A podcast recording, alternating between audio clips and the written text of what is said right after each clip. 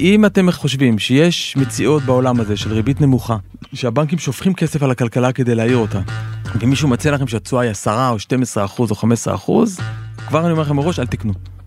אל תקנו, כי יש שם קאץ' או הערכת סיכון שאתם לא מזהים. אין פטנטים כאלה. אין תשואות כאלה גדולות, גם 7 אחוז זה הרבה. אהלן, אני גיא ליברמן ואתם על כסף בקיר. פודקאסט על אנשים שהחליטו להשקיע בנדל"ן. היום העורך שלנו הוא השמאי הוותיק ירון ספקטור. הוא מספר שכבר כילד ראה כיצד אביו שהיה שמאי בעצמו מנתח מספרים ומפות והחליט שהוא רוצה גם.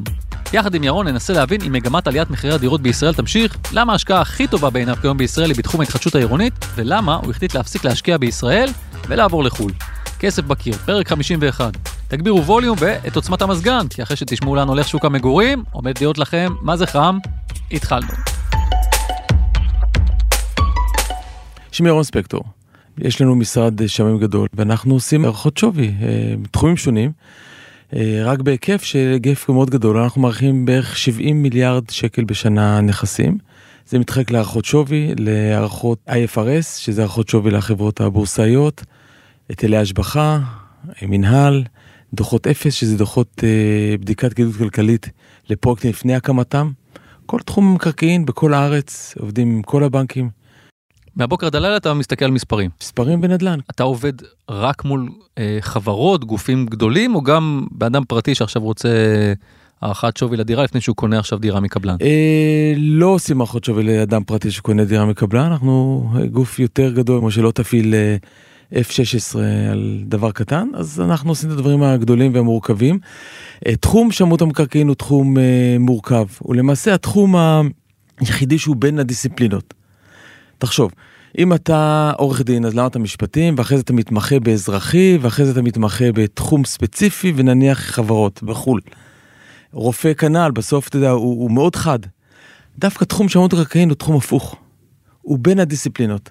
כדי להעריך היום נכס, אתה צריך להבין uh, ולהיות בעל ידע בהרבה תחומים. תחום מאוד מאוד סבוך. יש לך מין פאזל מאוד מורכב שהשמאי שניגש להערכה קודם כל צריך לפתור את הפאזל הזה. מה מותר לבנות על המקרקעין האלה? זאת אומרת שאתה מגיע לאיזשהו מקום, ישר אתה מסתכל עליו בצורה אחרת. מה זה המקום הזה בכלל? בן אדם רואה איזה פאב, אומר יאללה, נכנס אליו, אתה מסתכל קודם כל, אומר לעצמי, בכלל אה, מותר לזה להיות פאב. לגמרי. אתמול, אתמול הייתי באיזה אירוע של חתונה, אמרתי, רגע, איך אישרו להם את זה? אבל בסופו של דבר גם יש ביקורת אה, תמידית נגד השמאים, שזה כמו איזה אלכימיה קצת. אתה נותן בסופו של דבר איזושהי הערכה ומקווה לטוב, זאת אומרת שזה יהיה נכון ולא תמיד זה כל כך ברור. זאת אומרת יש המון המון משתנים שיכולים פתאום לשנות לגמרי את התמונה. ממש לא.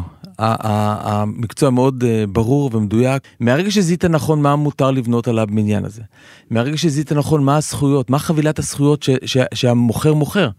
אם הוא מוכר בניין אה, עם דייר מוגן, עם אה, חכירות מהמינהל מקרקעי ישראל, או שהוא מוכר בעלות פרטית, אחרי זה אתה רואה את המיסוי, יש לו מע"מ, אין לו מע"מ, מה, אה, מה גובה מס הרכישה שיהיה לו, מה המס שבח שיהיה לו, יש את כל המיסים האלה שחלים עליך. אז לאט לאט אתה סוגר את הטווח, אין לך הרבה, הרבה מנעד. כמובן שאתה יכול להגיד שיש הרבה שומות ש, שיש סטיות ביניהם, אבל הסטיות הן יכולות להיות דווקא מניסיוני פה. אנחנו מקדישים למעלה מ-70-75% מהזמן על בירור העובדות. אבל העובדות באמת משתנות, הרבה פעמים אה, פתאום העירייה מחליטה איזשהו שינוי, אה, זה קורה כל הזמן, או הממשלה מחליטה על איזשהו שינוי רוחבי, הנה רק שנה שעברה היה לנו דוגמה מעולה על זה שהגיע אה, ישראל כץ, שר האוצר לשעבר, החליט שעכשיו הוא מוריד את, את מס הרכישה. בום, תוך שנייה אחת, הוא שינה לגמרי את ענף הנדל"ן. שפתאום מרמה של 11, 12, 13 אחוזים אה, של מרוכשי הדירות שהיו משקיעי נדל"ן, היום זה כבר למעלה מ-20 אחוזים, זאת אומרת, יש המון שינויים וקשה גם לצפות אותם, אני מבין מה אתה אומר שעל העובדות באמת אה, אה, צריך להבין אותם טוב, ומי שמבין אותם טוב יודע לחבר את כל הנקודות, יכול לתת הערכת שווי מאוד מאוד מדויקת, נכון לאותו רגע, אבל גם יש שינויים, תראה מה קרה השנה שעברה עם הקורונה, אמנם זה אירוע שאני מקווה שהוא פעם באמת פעם בהרבה זמן. השוק דינמי. השוק דינמי, ואתה צודק, לא רק ישראל כץ עושה אותו דינמי. קודם כל אתה מושפע עולמית, תראה מה קרה לנו במשבר של 2008, ואחרי זה יש לך איזה מבצע גדול, ואחרי זה יש לך משבר חדש וקורונה.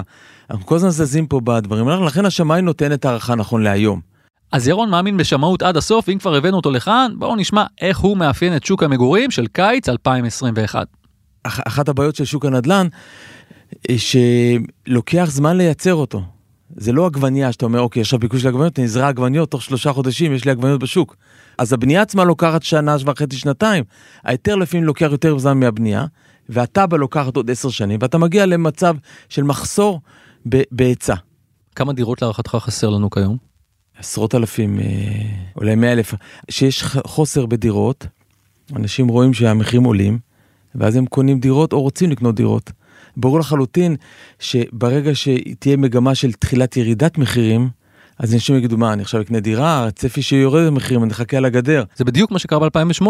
אנשים אמרו, אני לא מוכן למכור בהפסד, ופשוט השוק נעצר וקפא לגמרי, ו- ובאמת לא היו כל כך ירידות מחירים, כי פשוט אנשים לא מכרו, אלא אם כן מישהו שחייב, אבל זה היה במספרים קטנים יחסית. אז למעשה אנחנו רואים שהתגובה של השוק מאיצה את עצמה. זה כמו הפינגווינים האלה שעומדים על הסלע באנטארקטיקה, ואחד קופץ ואז כולם קופצים. דרך אגב, הוא לא קופץ, דוחפים אותו. עכשיו, כולם רואים את עליית המחיר, הצפויה, ואז כולם רוצים לקנות דירות, מקדימים את הרכישה שלהם.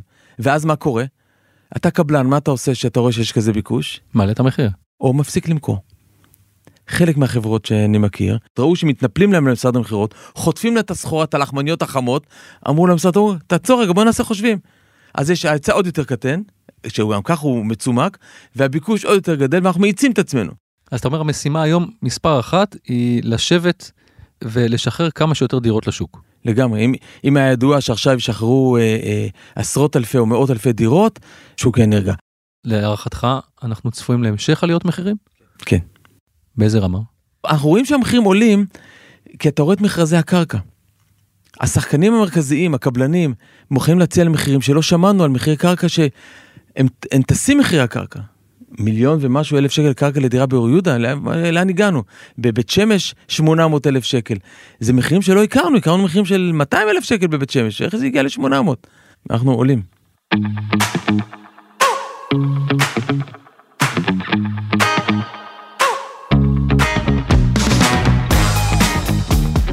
ירון מצטרף לרשימה ארוכה של מומחים שמאמינים שעוד לא ראינו את הקצה העליון של מחירי הדיור. מה שנקרא, שיהיה לנו בהצלחה עם זה.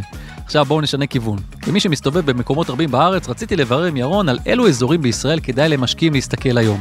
אבל ירון בחר שלא לדבר על אזור, אלא על ענף. או בקיצור, התחדשות עירונית. אני חושב שכדאי לשים לב לפינוי-בינוי.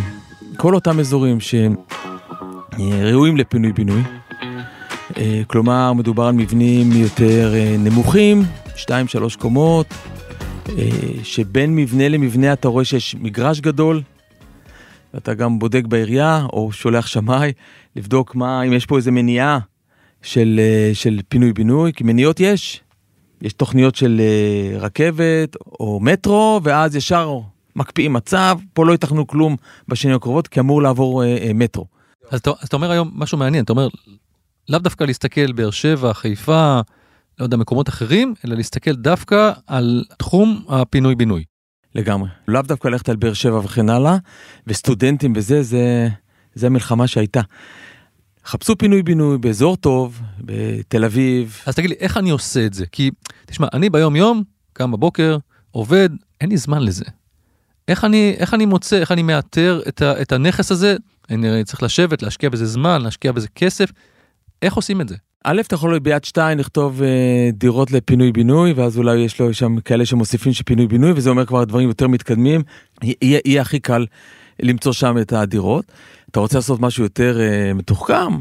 כנס לגוגל ארס או גוגל מפ, חפש את האזורים, אה, ראשון, באזורי ביקוש אני אומר, ראשון, רחובות, פתח תקווה, רעננה, חפש את אותם מבנים שלמעלה נראים לך שעונים לקריטריון שאמרתי. בנייה נמוכה, מרחק גדול בין הבניינים. ו- ובתים ישנים, שיראו לך מרוטים שנבנו לפחות בשנות ה-60. אל תלך, אל תלך על בתים חדשים, 4-5 קומות, עם מעלית, ככל שאז הם, הם לא טעוני פינוי-בינוי. אני אגיד לך מה, מה הבעיה שלי עם התוכנית שלך. אחד, אני יוצא מנקודת הנחה שהרבה מאוד אנשים הם לא פראיירים.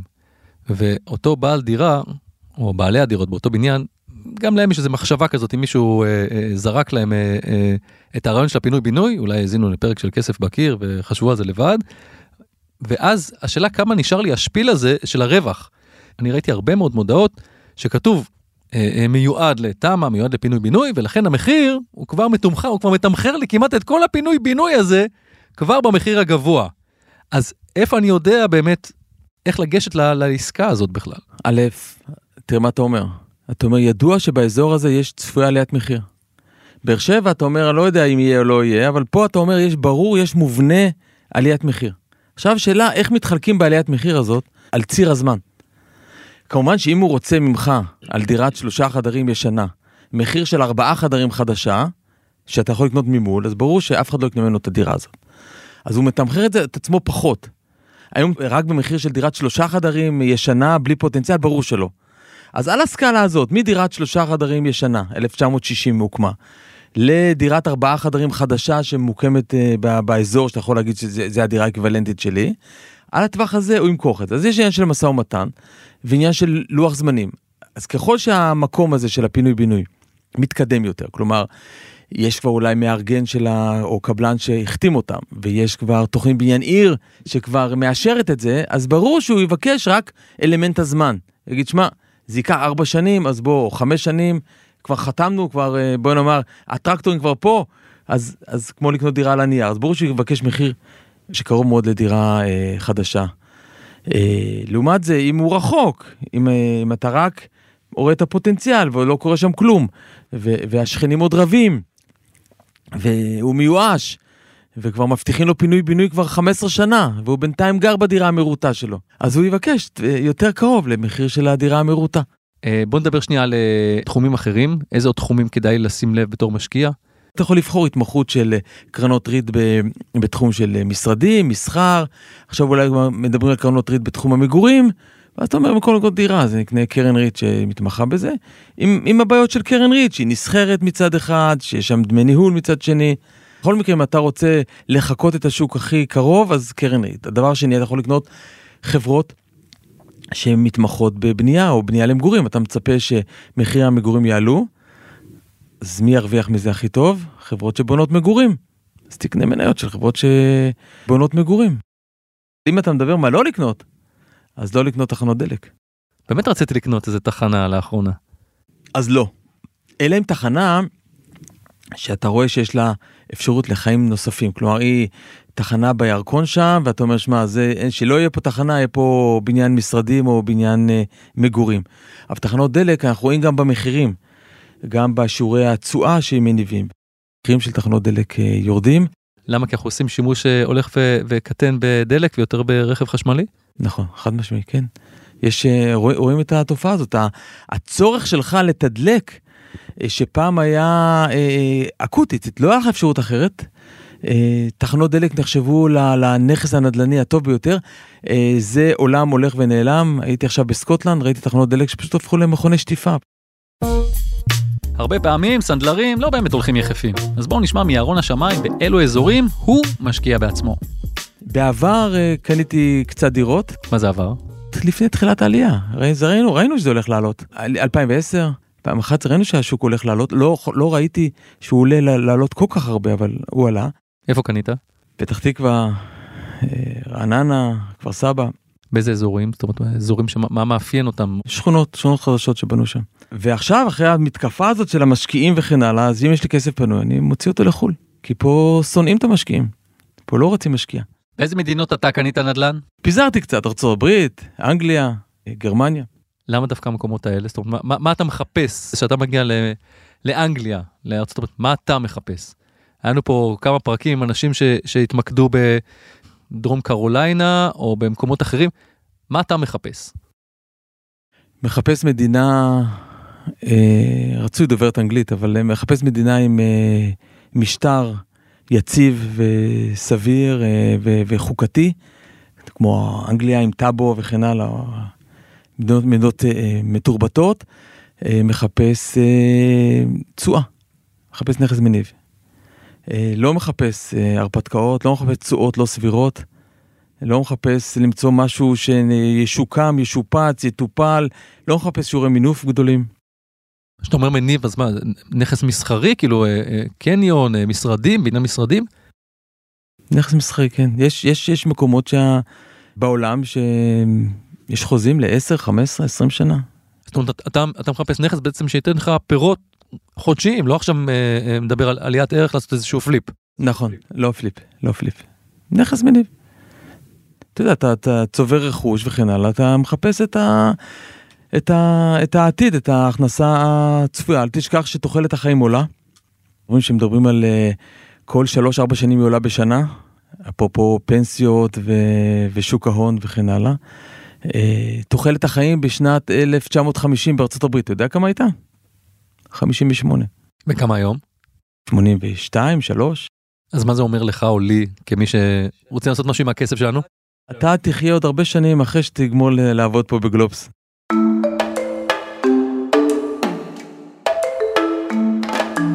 ההכנסה של שאותו נדל"ן מניב, שאתה מושקע, לאיזה, לאיזה מספרים אתה מכוון? זאת אומרת, מה יתחיל לעניין אותך? תראה, התשואות שם, תלוי, זה שישה וחצי, שבעה אחוז.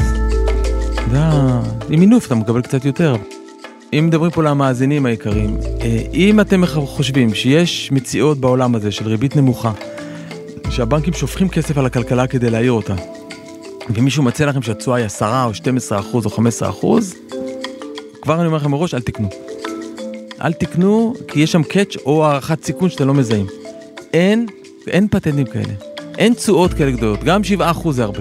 אין תשואות כאלה, זה לא, משהו שם אתם לא מכירים, או שמוכרים לך שהדמי שכירות לא מתאים לשוק, או שהנכס, או שיש שם איזה בעיה. זה לא יכול להיות, אין תשואות כאלה. כמו שדודה שלי הייתה אומרת, too good to be true. אל תמשכו למלכודת הזאת של תשואות של uh, מעל 10% וכן הלאה, זה לא יקרה. אז, אז אתה בעצם מחזיק נכס באנגליה, וכל שנה מכניס לך משהו כמו 7 אחוזי תשואה, ולזה אתה מכוון, זה טוב לך? מצוין. מהמספרים שאני מכיר בנכסים uh, מניבים פה בישראל, אתה גם יכול להגיע לשישה וחצי, שבעה אחוזי תשואה. אז למה אני צריך לנסוע לאנגליה או לארה"ב בשביל זה? זאת אומרת, אם אני כבר עושה את כל המאמץ הזה, אה, אה, לנסוע, אם אני יכול להשיג את אותו דבר בישראל, מה בעצם היתרון? תראה, בישראל לא תמצא נכס שמושכר ל-10 או 15 שנה בתשואה כזאת של 7 אחוז עם סוחר טוב במחיר שוק, אלא הם יבקשו ממך פחות, אה, יבקשו 5-6 אחוז. בישראל יש, אה, היתרון הוא שאתה מכיר את השוק, ותמיד כדאי לגוון, אתה יודע, לא, לא לשים את כל הביצים בסל אחד. אם היית אומר הפוך, אני מציע לך מדינה, לא אגיד לך מה השם שלה. יש מסביבה אויבים, 367, מה שנקרא. יש לך אה, משטר פוליטי לא יציב פה. יש לך אה, מאבקים פנימיים של חרדים, חילוניים, שמאלנים, אה, ערבים. אה, מדי פעם מתפרצות פה מלחמות. זה היית מקבל לצא ממני להשקיע שם את הכל, את כל מה שיש לך? נשמע לי כמו מדינה דמיונית. דמיונית, מפחידה. אז לפעמים אתה אומר, אם אני חושב שאני יושב פה על, אה, אה, במובנים מסוימים על חבית חומר נפץ, אז עדיף לחלק חלק מההשקעה למקום אחר. מצד שני, המדינה הזאת אה, עושה דברים מדהימים, אה, התגברה על כל הקשיים, נהייתה פנינה דובאי של, ה, של האזור פה. אז, אה, ו, וההשקעות פה מניבות רווחים גדולים, ואז אני, אז גם פה כדאי להשקיע, ברור. איזה עצה אחת היית נותן למשקיעים ככה בתחילת דרכם? על מה לא לוותר? על חלומות, חלומות לא לוותר. אה, ו, ואולי העצה הכי טובה שאני יכול להגיד להם זה אה, לא להישאר ברמת המחשבות, לא להישאר ברמת התכנונים, פשוט לעשות, לקפוץ למים, ולעשות הערכה שבוורסט קייס סנאריו הם יכולים לספוג את ההפסד. זה לא שיקחו את השקל מהאוכל, מהמטרנה של הילד וישקיעו, אבל יש קצת עודפים וכן הלאה, אז uh, שיקפצו למים. Uh, רוב האנשים שאני מכיר, בטח בשנים האחרונות, הצליחו מאוד יפה, אם הם לא, לא נפלו במרמה והם רימו או רימו אותם. וכמובן, כמובן לק... לקלקל את צעדיך, וכמובן להתייעץ עם uh, בעלי מקצוע. עד כאן ירון, ועכשיו בואו נגיד שלום לפרשן הנדל"ן הבכיר של גלובס, אריק מירובסקי. אהלן אריק. היי גיא. נו, התחדשות עירונית, על זה צריך לשים את הכסף. כן, שמעתי את מה שירון אמר. ירון הוא איש מקצוע מצוין ואנחנו uh, מכירים לא פעם uh, דברים שהוא uh, כותב ודברים שהוא עושה. אני רוצה להיות בריף. לגבי התחדשות עירונית, שוחחנו לא פעם אצלנו בפודקאסטים על זה שאחת מצורות ההשקעות המעניינות ביותר היא לאתר נכסים שאמורים לעבור תהליך של תמ"א 38 או פינוי-בינוי, ובצורה כזו אתה יכול לגרוף לעצמך תשואות הרבה יותר גדולות מאשר מסתם השכרת uh, דירה. זה כמובן דורש ממך מצד שני להיות הרבה יותר מקצועי והרבה יותר מבין בהליכי תכנון. אולי מילה שלך לגבי מה שירון סיפר על השקעות בחו"ל? לגבי uh, השקעות בחו"ל, ירון עושה את זה והוא עושה את זה בצורה טובה, אני בטוח, כי הוא איש מקצוע. אנחנו רואים פעם אחר פעם ישראלים שנופלים בהשקעות שלהם בחו"ל, וחלק מהם uh, היו גם אצלנו בפודקאסטים. משום שהשקעות בחו"ל, אתה צריך להבין מה קורה בנכסים שאתה משקיע בהם. אתה צריך לנסוע לשם, אתה צריך להתייעץ עם אנשי נדל"ן בלתי תלויים מאותו, מאותם מקומות, להבין הליכי מס ורגולציה שאתה עלול לעבור, ופתאום לשלם תשלומים לאנשים שלא פיללת ולא לא ידעת שאתה אמור לשלם להם. או לקבל פחות הכנסות, או אם נדבר על ברלין, שזו דוגמה מפורסמת, שלא ייתנו לך אה, לגבות על הנכס שלך את דמי השכירות שאתה רוצה, אלא יגבילו אותך בזה. אז אתה באמת, כדי להצליח בהשקעות בחו"ל, אתה צריך שיהיה לך אנשים שם, אתה צריך להתייעץ עם אנשי מקצוע, והרבה מאוד ישראלים אה, לא עושים את זה, סיבה לנפילה. אוקיי, מאוד מעניין אותי מה אתה חושב על התחזית של ירון לגבי המשך עליות מחירי הדיור. פה אני רוצה להתמקד שנייה על הנושא של התשואה, כי כל הזמן אנחנו מדברים על תשואה ששלושה אחוז, שלושה וחצי, זה פחות או יותר מה שקורה בישראל, לפעמים אפילו פחות משלושה אחוז. אבל את עיקר התשואה, המשקיעים הישראלים אה, מקבלים מעליית שווי הנכס. לפיכך צריך לשים לב לעניין הזה טוב. ואני מסכים לחלוטין עם ירון. שבשלב הזה אה, מחירי הדירות הם אה, באינרציה של עלייה והם ימשיכו לעלות. אני לא רואה פה איזה שהם גורמים שיעצרו, אלא אם כן יקרה איזה משהו רע מאוד, איזושהי קטסטרופה שלא היינו רוצים שתפקוד אותנו, שהיא זו שעשויה לעצור את העליות. אבל נכון לעכשיו, אנחנו לא רואים איזה משהו כזה. תודה אריק. תודה גיא, להתראות. ועד כאן עוד פרק של כסף בקיר. אם אהבתם את מה ששמעתם, אתם מוזמנים ואתן מוזמנות לעקוב אחרינו באתר גלובס, בספוטיפיי או בכל מקום שאתם מאזינים לפודקאסטים. וכמובן נשמח שתדרגו אותנו גבוה באפל פודקאסט ותשלחו את הפרק לחברים שעוד לא שמעו עלינו. אם אתם בעצמכם משקיעים ומשקיעות בנדל"ן ורוצים לספר לנו על ההשקעה שלכם, שלחו מייל לכתובת כסף.בקיר at globes.co.il, אותיות באנגלית כמובן. לפני שניפרד, אני רוצה להמליץ לכם על ספין-אוף חדש של הצוללת של גלובס, צוללים לתקציב. הפודקאסט שמסביר לכם במילים הכי פשוטות שיש, מה קורה בתקציב המדינה ואיך הוא קשור לחיים שלכם. חפשו אותו, מדי יום שני. תודה לדניאל גל שערך את הסאונד ולהילה וייסברג, עורכת הפודקאסטים של גלובס. יאללה, אני זז לחפש איזה נכס מניב נחמד באנגליה, בארצות הברית, או שלא. אני גיא ליברמן, ביי.